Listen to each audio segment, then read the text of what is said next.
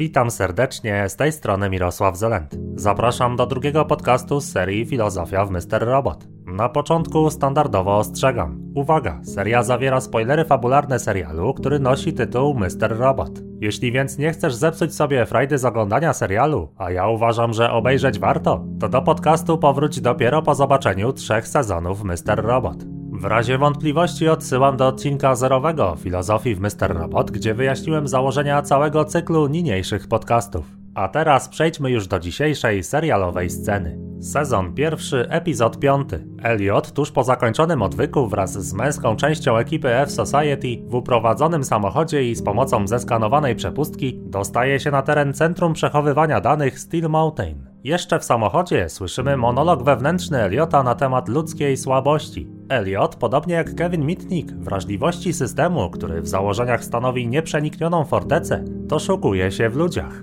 Mówi I've never found it hard to hack people. If you listen to them, if you watch them. Elliot mówi nawet ich słabości są jak neon na ich czole. Rozglądając się, zauważa Mobley to żarłok. Brakuje mu dyscypliny, nie panuje nad rządzami. Romero jest przemądrzałym hipochondrykiem, a słabość Mr. Robota jest szalonym idealistą. Skoczy w ogień tylko po to, żeby coś udowodnić. Elliot wchodzi do budynku i spotyka tam Billa Harpera, który oszukany trikiem z Wikipedią zapewnia mu wycieczkę po poziomie pierwszym serwerowni. Lecz to nie wystarczy naszej ekipie do podłożenia Raspberry Pi. Elliot musi dostać się na poziom drugi. Mr. Robot podpowiada w słuchawce, to jest czas, aby pozbyć się Billa. Zniszczysz Billa, żebyśmy mogli skontaktować się z jego przełożonym. Elliot zatrzymuje się. Bill pyta, proszę pana, czy wszystko w porządku? Elliot milczy. A Mr. Robot w słuchawce podpowiada, masz go rozerwać na strzępy. Zetrzyj uśmiech z tej jego głupiej gęby. Halo, proszę pana, nic pan nie mówi. A w słuchawce, rozszyfruj go Elliot, ty jak nikt inny potrafisz to zrobić. Wiesz jak to jest, gdy ktoś cię upokorzył, gdy obnażył to, czego najbardziej się boisz. W międzyczasie, przysłuchujący się rozmowie w samochodzie, Mobley i Romero patrzą na siebie. Napięcie w scenie sięga zenitu. Elliot odwraca się w stronę windy, obserwując własną matkę znęcającą się nad nim psychicznie. Po długotrwającej ciszy, nawet nie patrząc w stronę Billa, zaczyna mówić: Pomyśl o tym. Bill nie spodziewa się ciosu, naiwnie więc pyta: O czym? I w tym momencie Elliot wbija wzrok prosto w niego. Gdybyś umarł, czy ktoś by się tym przejął? Tak naprawdę. Jasne, może popłaczą dzień, ale bądźmy szczerzy. They don't give a shit. Byliby na pogrzebie tylko z poczucia obowiązku, tak naprawdę irytując się, że muszą na nim być. I wyszliby z niego tak szybko, jak to tylko możliwe. Taki jesteś. Jesteś nikim. Dla nikogo. Dla wszystkich. Pomyśl o tym, Bill. Jeśli sobie na to pozwolisz, zobaczysz, że mówię prawdę. Nie marnuj mojego czasu. Wezwij kogoś, kto coś znaczy. Bo ty, ty się nie liczysz. Roztrzęsiony Bill, powstrzymując łzy, odpowiada krótko i niepewnie I'll call my supervisor. Zapada niezręczna cisza. Elliot wie, co zrobił. Doskonale rozumie, co to znaczy czuć się obnażonym w swojej słabości. W odruchu serca zwraca się ku Billowi i już ma coś powiedzieć, ale Mr. Robot w słuchawce mówi nieubłaganie, nie przepraszaj. Plan działa. No, pamiętna scena, prawda? Bardzo intensywna.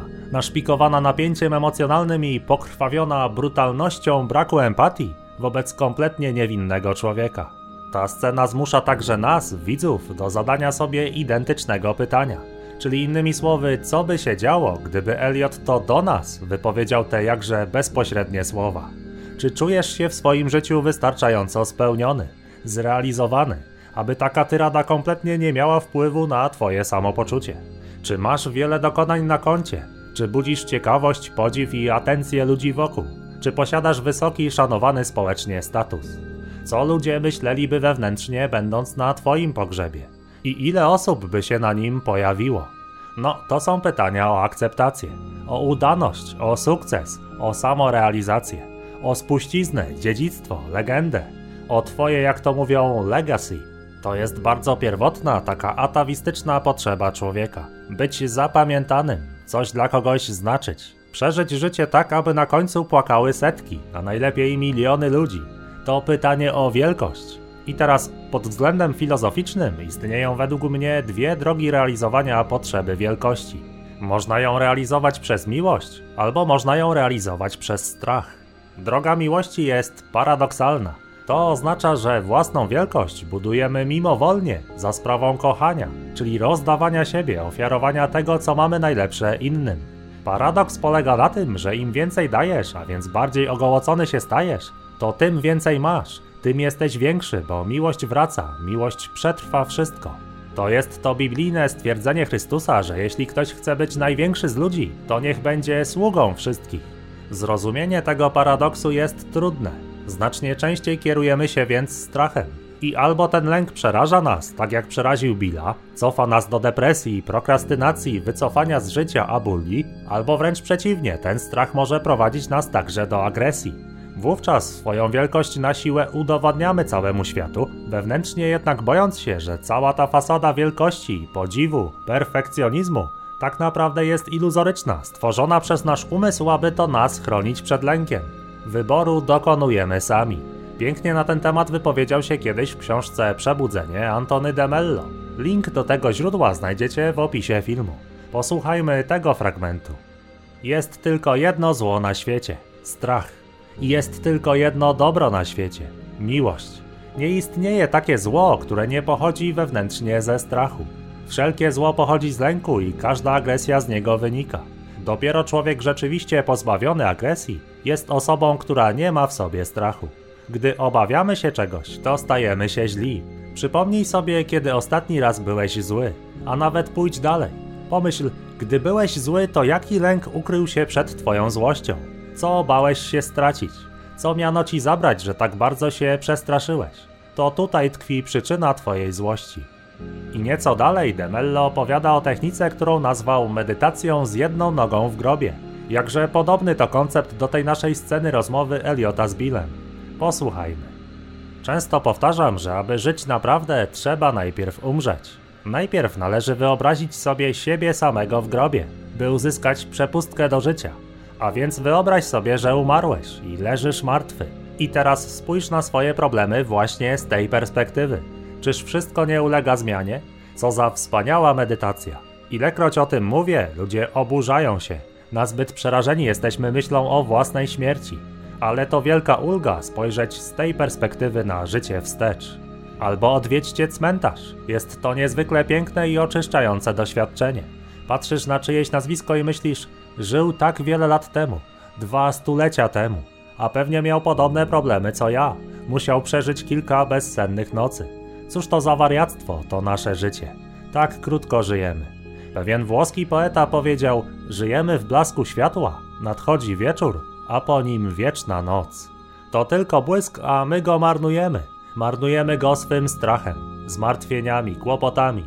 Jeśli przeprowadzicie tę medytację, to zdarzyć się może, że po prostu zakończycie ją na poziomie informacji, ale może też zdarzyć się, iż uda wam się zakończyć ją na poziomie świadomości. I w tym momencie staniecie się nowi, a przynajmniej dopóki ten moment trwa.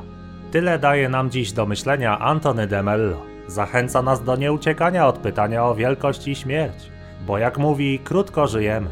Dzisiaj więc pora zadać sobie to pytanie. Jak realizujesz w swoim życiu potrzebę własnej wielkości, potrzebę bycia kimś znaczącym? Po pierwsze, jak często realizujesz ją w sposób paradoksalny, czyli pokorny, za sprawą miłości, rozdawania siebie, tak bliskim jak i ludziom obcym? Po drugie, jak często kierujesz się strachem?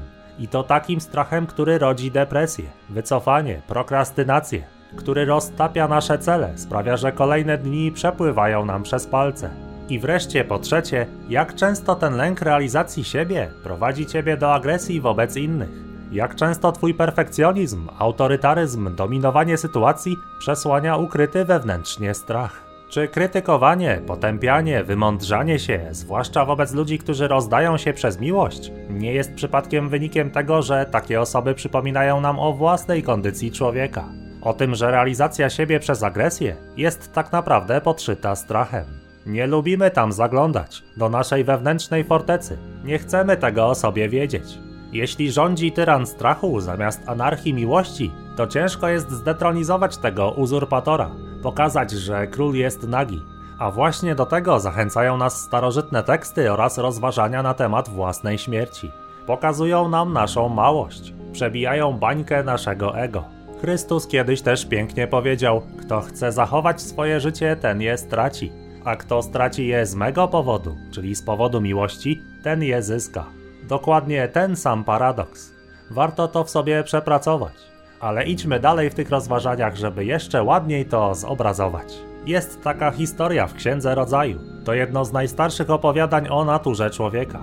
To historia o dwóch braciach, o Kainie i Ablu. Bardzo spodobała mi się interpretacja tego tekstu, którą w jednym ze swoich wykładów podał Adam Szustak. Ja dokonam teraz tutaj skrócenia, takiej kompilacji i czasem siłą rzeczy parafrazy jego słów. No bo wykład Adama jest dość długi, nie chcę też okradać autora z jego dzieła, stąd omówimy tylko ten nasz kontekst. Natomiast oczywiście zachęcam do zajrzenia do oryginału na kanał YouTube o nazwie Langusta na Palmie. Link do tego źródła znajdziecie w opisie filmu. A teraz posłuchajmy. Opowieść o Kainie i Ablu, jeden z najstarszych tekstów biblijnych. Historia ta wydaje się bardzo starożytna i znikoma, bo to raptem parę zdań, ale przekonamy się wkrótce, jak pokazuje fundamentalną prawdę o nas, ludziach, prawdę przed którą wszyscy uciekamy. Imię Kain oznacza dosłownie kowal, albo inaczej człowiek o bardzo silnych rękach, czyli był to dobrze zbudowany, mocny mężczyzna. Abel, hebrajskie słowo Hebel, oznacza dosłownie pustkę, nicość, próżnię, z historii biblijnej dowiadujemy się także, że Ewa po urodzeniu Kaina aż zakrzyknęła z radości. Na widok Abla jednak takiej reakcji u niej już nie było. Dalej powiedziane jest także, że Abel był pasterzem, a Kain uprawiał rolę. Nam współcześnie niewiele to mówi, no co to za różnica. Ale w kulturze starożytnej, agrarnej, dla każdego Żyda przekaz był jasny. Jednemu z braci udało się zawodowo, drugiemu nie. Otóż pasterzem trzód, tak jak Abel, mógł być zasadniczo każdy. Natomiast aby uprawiać rolę, to trzeba wymyślić jak. Trzeba opracować narzędzia, planować zasiewy, prowadzić osiadły, a nie nomadyczny tryb życia. Kimś takim był silny i zaradny Kain. Abel był zwykłym pastuchem, zajmował się na co dzień owcami. Czyli jednemu z braci zawodowo się udało, a ten drugi był trochę jak nasz Bill. Nie tak lotny, nie tak silny, pozbawiony podziwu innych, poczucia statusu, spełnienia. To Kain się liczył, Abel był nikim. I tę nicość miał zawartą nawet w swoim imieniu. Z poprzedniego odcinka podcastu znamy już tę technikę odpowiedniego nazywania postaci, co niesie zawsze dodatkową ukrytą treść. Ale teraz co ważne, spójrzmy na tę historię nie jako na opowieść o dwóch braciach, ale jako obraz nas samych.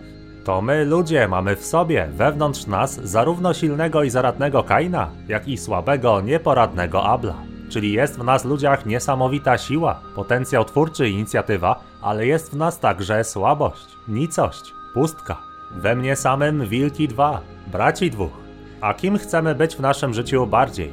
Tym bratem, który ma respekt, status, szacunek, czy tym, który się nie liczy, nie błyszczy?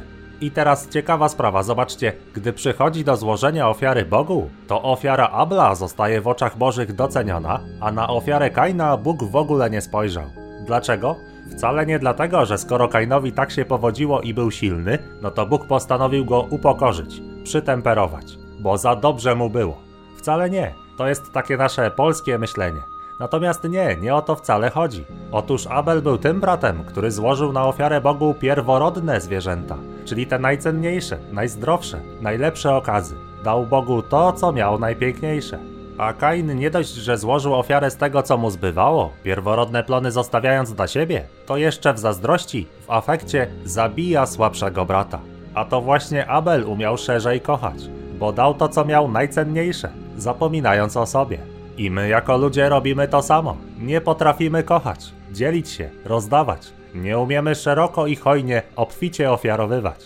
A na dodatek zabijamy w sobie słabość nie chcemy nawet o niej pamiętać. Gubimy się w ułudzie własnej wielkości, statusu, dziedzictwa. Bill w tej serialowej scenie to właśnie człowiek, który zabił Abla w sobie, który zapomniał i zakopał własną słabość i nie ma najmniejszej ochoty o niej pamiętać. Elliot jednak wyjmuje, obnaża tego Abla, tę pustkę, nicość i pokazuje Billowi prawdę o nim samym. Z jednej strony to szokujące doznanie, gdy wszystkie te mury zbudowane w umyśle roztrzaskują się w drobny mak w jednej chwili. Z drugiej jednak strony w perspektywie czasu może to być także dla Billa fantastyczna lekcja. Prawda czyni wolnym, prawda wyzwala, a słabość uczy nas kochać. Tak cierpliwie i mozolnie budujemy na wolnym rynku relacji odmalowaną, udekorowaną fasadę naszej osobowości. Zakładamy karnawałowe maski. Przekonujemy wszystkich wokół, jacy jesteśmy ciekawi, zaradni. piękni, pasjonujący. Na tym sztucznym konstrukcie opieramy czasem całe związki, a tymczasem to słabość w nas uczy nas kochać. To Abel ma szerokie serce, daje hojnie, dzieli się obficie tym, co ma pierworodne, najlepsze. Więc budowanie związków między ludźmi polega także na daniu własnego Abla drugiemu człowiekowi, jak i wzięciu, zaakceptowaniu czyjejś słabości, bezwarunkowo. Gdyby nasz Bill nie był tak przestraszony własną nieudanością, gdyby tak bardzo jej nie zakamuflował, gdyby nie ukrył tego śmierdzącego ciała Abla głęboko w ziemi, to nie stałby się podatnością systemową serwerowni Steel Mountain. Oczywiście łatwo powiedzieć, trudniej zrobić. Zabijamy Abla w nas. Nie oszukujmy się. To właśnie dlatego scena rozmowy Eliota z Billem tak w nas rezonuje. Dlatego jest to tak pamiętny fragment. Jako ludzie musimy poradzić sobie z odpowiedzią na pytanie, jak realizować potrzebę własnej wielkości. Obyśmy nauczyli się realizować ją przez miłość, a nie przez strach. Zrozumieć ten wspomniany paradoks i wdrożyć go we własne życie, to byłoby coś wielkiego. Od siebie na kanale Pasji polecam Wam także w tym kontekście trzeci i czwarty epizod serii Wojownik Poeta. Odcinki mają kolejno tytuły Słabość oraz Akceptacja. A już szczególnie fajny będzie odcinek piąty, który pojawi się niebawem i już do niego zapraszam. Będzie nosił tytuł Umysł. A na zakończenie tych naszych dzisiejszych podcastowych rozważań posłuchajmy jeszcze fragmentu wykładu Osho. Ponownie link w opisie. Będzie to historia o tak zwanym Chakravartinie, buddyjskim królu, czyli o potężnym władcy, imperatorze wielkich ziem, człowieku o takiej wielkości, jaka zdarza się raz na tysiąc lat. Podobno, kiedy taki władca nad człowiek umiera, to jest uroczyście prowadzony w góry Sumeru. Góry wykonane z litego złota, gdzie zamiast kamieni na ścieżkach leżą diamenty, rubiny i szmaragdy. Zaś nad górami wstaje codziennie tysiąc słońc. I pewnego dnia umarł Chakravartin. No i nasz władca przybywa do odźwiernego pilnującego Sumeru, aby móc wyryć w Złotej Górze swoje imię. To szczególny zaszczyt właściwy tylko Chakravartinom. No i nasz podekscytowany cesarz przyprowadził żonę, premiera, generała wojsk, dostojników, a nawet wszystkich z ludu, którzy popełnili samobójstwo na jego pogrzebie, nie mogąc żyć bez swojego cesarza. Strażnik bramy Sumeru powiedział jednak: Niech oni wszyscy zaczekają. Ty wejdź do ogrodu sam, ale jeżeli po zostawieniu swojego imienia zechcesz im je pokazać, to będą mogli wejść tam z tobą. Ale najpierw pójdź sam. Tak też zrobił cesarz, lecz ku jego zaskoczeniu całe Złote Góry już pokryte były nazwiskami Chakravartinów. Nie mógł znaleźć nawet centymetra wolnego miejsca. Zdenerwowany wrócił do odźwiernego, a ten wziął go na stronę. Mówi mu, masz dwa wyjścia. Możesz zmazać czyjeś nazwisko i wpisać swoje. Tak się robi. Wiem, bo opowiadał mi o tym mój ojciec, dziadek i pradziadek, którzy też byli odźwiernymi Sumeru. Albo możesz się nie wpisywać. Decyzja należy do ciebie. Cesarz odpowiedział: Nie chcę pokazywać Sumeru ludziom i nie chcę wpisywać swojego imienia. Jaki jest sens, abym je napisał? Odźwierny uśmiechnął się. Również i to słyszałem od moich dziadków. Chakravartini przybywali i ujrzawszy góry zawracali. Nie pisali swoich imion. Nie jesteś wyjątkiem. Każdy człowiek posiadający choć odrobinę inteligencji postąpiłby tak samo. Taki mamy wstęp do tej opowieści, do tej baśni. No, widać tutaj koncept samsary, czyli tego znanego z buddyzmu cyklu narodzin i śmierci. Widzimy też zachętę do eliminacji wszelkich pragnień. Natomiast to, co do mnie przemawia w tej opowieści, to piękna przemowa odźwiernego, która następuje po decyzji cesarza. Odźwierny wygłasza niesamowity monolog, którym zakończymy ten dzisiejszy podcast. Dosłownie ten odźwierny jest dla cesarza jak Eliot dla Billa. Otwiera mu oczy na jego pielęgnowany przez całe życie strach. Strach zagłuszany przekonaniem o własnej wielkości. Posłuchajmy. Odźwierny mówi tak. Co możesz zdobyć na tym świecie? Co możesz z niego ze sobą zabrać? Swoje nazwisko? Swój prestiż? Swoje pieniądze? Władzę? Co? Swoją wiedzę? Niczego nie możesz zabrać. Wszystko będziesz musiał porzucić. I w tym momencie zrozumiesz, że nic co posiadałeś nie było twoje. Samo pojęcie posiadania było błędne, a ze względu na swoją własność stałeś się przekupny. Aby móc się wzbogacić, mieć więcej pieniędzy, większą władzę, podbić więcej krajów, robiłeś rzeczy, które nawet tobie samemu wydawały się niewłaściwe. Kłamałeś, bywałeś nieuczciwy, miałeś setki twarzy, nawet przez krótką chwilę nie byłeś prawdziwym sobą. Ani w stosunku do innych, ani w stosunku do siebie. Nie mogłeś. Musiałeś być fałszywy, nadęty, stwarzać pozory, ponieważ to pomaga odnieść sukces w świecie. Autentyczność ci nie pomaga. Szczerość ci nie pomaga. Prawdomówność ci nie pomaga. Kim jesteś bez swojej własności, sukcesów, sławy? Nie wiesz. Jesteś swoim nazwiskiem, swoją sławą, swoim prestiżem, posiadaną władzą. Ale oprócz tego, kim jesteś? Ta chęć posiadania staje się twoją tożsamością. Daje ci fałszywe poczucie istnienia. To jest ego. Ego nie jest niczym tajemniczym. Jest zjawiskiem bardzo prostym. Nie wiesz kim jesteś, więc w zamian potrzebna ci jest fałszywa tożsamość. To wszystko co posiadasz daje ci tę fałszywą tożsamość. Przyszedłeś na świat jako niewinny obserwator. Każdy przybywa w ten sam sposób, z taką samą świadomością. Ale zaczynasz wchodzić w układy ze światem dorosłych. Oni mają wiele rzeczy, które mogą ci dać. Ty masz tylko jedną, jest nią twoja czystość, twój szacunek do samego siebie. Nie masz wiele, jedną prostą rzecz. Możesz ją różnie nazwać: niewinność, inteligencja, autentyczność. Masz tylko ją. Dziecko jest naturalnie zainteresowane wszystkim, co widzi dookoła siebie. Ciągle chce mieć to i tamto. Należy to do ludzkiej natury. Jeśli spojrzysz na małe dziecko, nawet na noworodka, zauważysz, że wciąż czegoś szuka. Jego rączki próbują coś znaleźć. Rozpoczęło wędrówkę. Zagubi się w podróży, ponieważ na tym świecie nie można niczego dostać, nie płacąc za to. Koniec cytatu. Piękny monolog, no i jednocześnie wniosek dla nas. Jeśli niczego nie można dostać, nie płacąc za to, to może paradoks bezwarunkowego dawania miłości jest najlepszą odpowiedzią na ten problem. Do usłyszenia niebawem. Pozdrawiam serdecznie.